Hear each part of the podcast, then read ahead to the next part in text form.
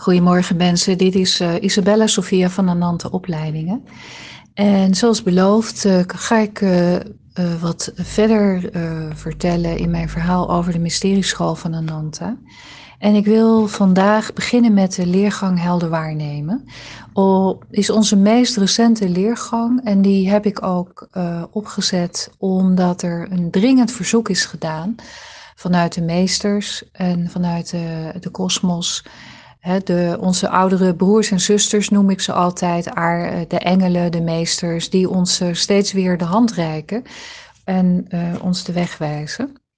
En wat we van belang vinden is dat, dat we altijd goed kijken van wat gebeurt er in onze samenleving. Wat zijn de actuele situaties en daar spelen we ook op in omdat als er zaken gebeuren die voor mensen uh, onbegrijpelijk zijn en daar waar mensen door geschokt raken, is het heel goed om te weten dat er vanuit uh, de hoge trillingen, vanuit de niet-fysieke rijken, zoals ik ze noem, waar de meesten zich ver, uh, verblijven, heel veel antwoorden komen om ons te helpen en informatie te geven, zodat we ook met elkaar op een goede manier door dit uh, geboorteproces en stervensproces van de aarde heen gaan. En wat van belang hierin is, is dat datgene wat sterft, is datgene wat we uh, als illusie hebben opgebouwd met elkaar. We houden hier heel veel illusies in stand. En het kan heel erg confronterend zijn als de waarheid aan het licht komt.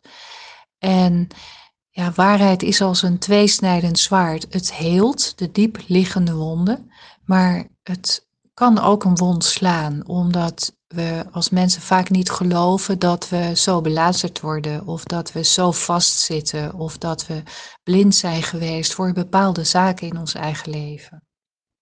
Dus waarheid heelt, maar is niet altijd heel makkelijk om te ontvangen.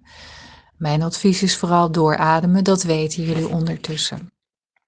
Nou, om je een voorbeeld te geven van zo'n actuele situatie, ook al is het alweer even een maand geleden, en hoe je daarna kunt kijken, wil ik het hebben over het, uh, de brand in de Notre-Dame in Parijs.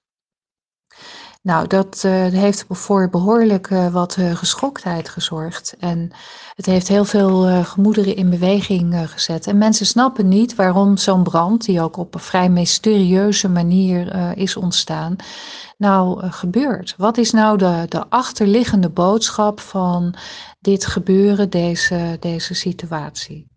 Het heeft met een aantal zaken te maken. En nogmaals, dit is, uh, ik wil dat even helder geven, aangeven voordat uh, dat ik me uitspreek verder. Dit is wat mijn waarheid is, hoe ik tegen zaken aankijk en ik zal je altijd uitnodigen om zelf kritisch te blijven en heel goed te voelen van hé, hey, maar klopt dit ook voor mij? En wat we uh, binnen al onze opleidingen en leergangen steeds benoemen is Toets het. Datgene wat we hier vertellen. We hebben goede verhalen bij Anante, maar toets het. Probeer het uit. Ga de ervaring aan. En pas als je het hebt getoetst, kennis in de ervaring brengen, dus toegepaste kennis brengt wijsheid, dan pas kun je ook zeggen van hé, hey, maar dit klopt ook van mij, dit is ook mijn waarheid. dus blijf ten alle tijden kritisch dit is mijn waarheid. En wellicht kan het je dienen om je eigen eh, waarheid of je eigen antwoorden te vinden. Maar um, dat hoeft niet. En dan zijn we even goede vrienden. Ja. Nou, de Notre-Dame van Parijs, hè, die hele verbouwing, die uh, de stad Parijs heeft uh, heel veel moeite gedaan om geld te genereren om de Notre-Dame te verbouwen. En dat is uh, mondjesmaat gelukt. En uh, daar hebben ze best moeite mee gehad. En het wonderbaarlijke is dat op het moment dat hij afbrandt, of zij moet ik zeggen, sorry, dat er meteen een heleboel rijke families klaarstaan om geld te doneren. En hierin wordt meteen al een stukje van het ego zichtbaar. En ik ga uitleggen wat ik daarmee bedoel, door eerst iets te vertellen over de geschiedenis van de Notre Dame. Want Onder de Notre-Dame ligt een hele grote oude tempel van de godin Isis. Sterker nog, de stad Parijs is vernoemd naar de godin Isis. Dus Par Isis, Parijs, betekent letterlijk stad van Isis. En Isis is een Egyptische godin en met heel veel wijsheid en door alle omstandigheden is het goddelijke vrouwelijke, dus dat weten we eigenlijk allemaal wel, hier op aarde ondergeschoven geraakt. Het goddelijke vrouwelijke komt eigenlijk niet meer voor binnen alle religies op aarde. We kennen nog wel een, uh, een godin Tara of we kennen nog wel uh, een Kuan. Hè, maar de werkelijke uh, rol uh, binnen de religies wordt eigenlijk door mannen opgenomen. We hebben een mannelijke God, we hebben een mannelijke geest, we hebben een mannelijke zoon. En het goddelijke vrouwelijke is het ondergeschoven kindje geworden. En dat heeft een enorme disbalans op aarde gebracht, een disbalans in onszelf. Omdat vanuit de kern, vanuit de goddelijkheid, is alles verbonden met zowel een mannelijk als een vrouwelijk aspect. En om het goddelijke vrouwelijke in het geboorteproces van de aarde en in het terugbrengen van de balans weer terug te brengen, zijn er dus maatregelen nodig.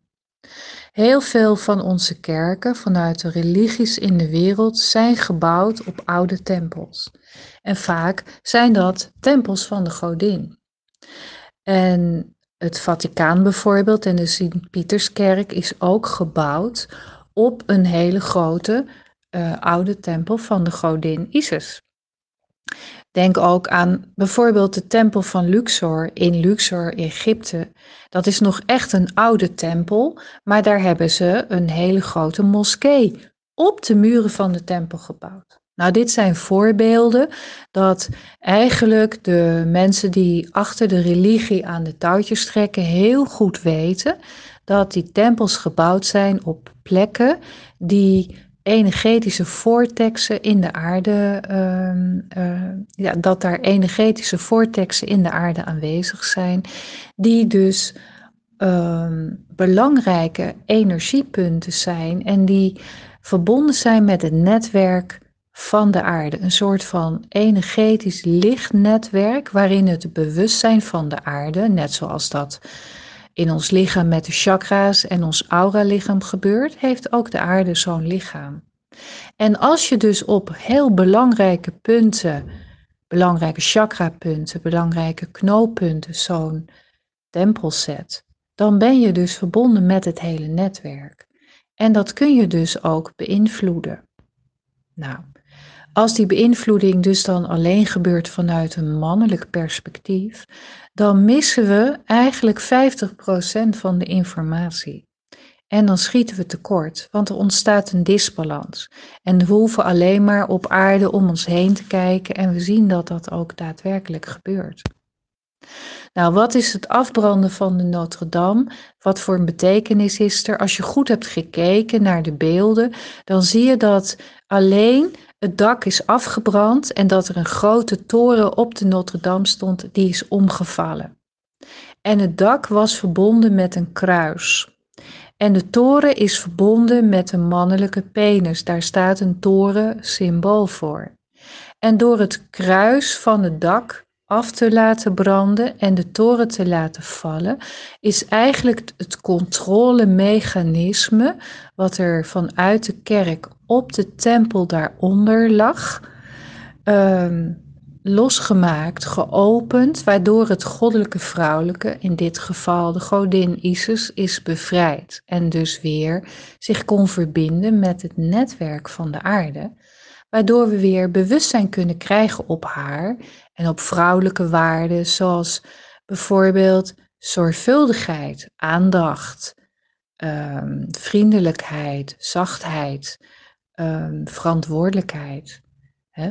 Die komen dan terug in zo'n netwerk in de aarde en dan worden we ook via die kant weer um, ja, gevoelig voor dat er ook andere perspectieven en keuzes zijn in uh, de wereld.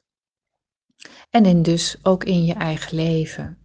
En die energie zorgt er ook voor dat het ego naar buiten wordt geduwd. Want ik begon al met mijn verhaal van, ehm, ja, weet je, ineens was er aan alle kanten geld. En er zit een addertje onder het gas. Want die rijke families die allemaal tegen elkaar opbieden om heel veel geld te bieden voor het heropbouwen van de Notre Dame, die, ehm, ja, die, die, die worden nu op de borst geklopt en bedankt. Hè, want oh, zij redden de Notre Dame. Maar wat we als mensen niet weten, is dat, dat ze dat bedrag ik noem maar even 20 miljoen wat is gestort, voor 90% kunnen aftrekken van de belasting in Frankrijk.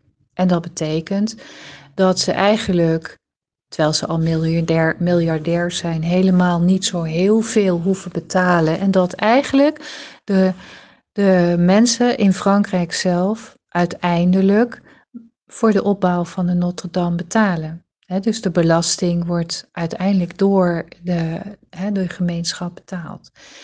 Dus daarin zie je dus uh, de leugen die hierin los wordt gemaakt. ik heb daar geen oordeel over. Dat houdt me te goede. Ik vind het wel van belang dat we helder krijgen wat de onderliggende verhalen zijn, zodat we voor onszelf een keuze kunnen maken. Hé, hey, maar waar wil ik me nog mee verbinden en waar niet? Nou, dit is dus een verhaal over de Notre Dame. En ik zie dat mijn uh, verhaal al best lang geworden is.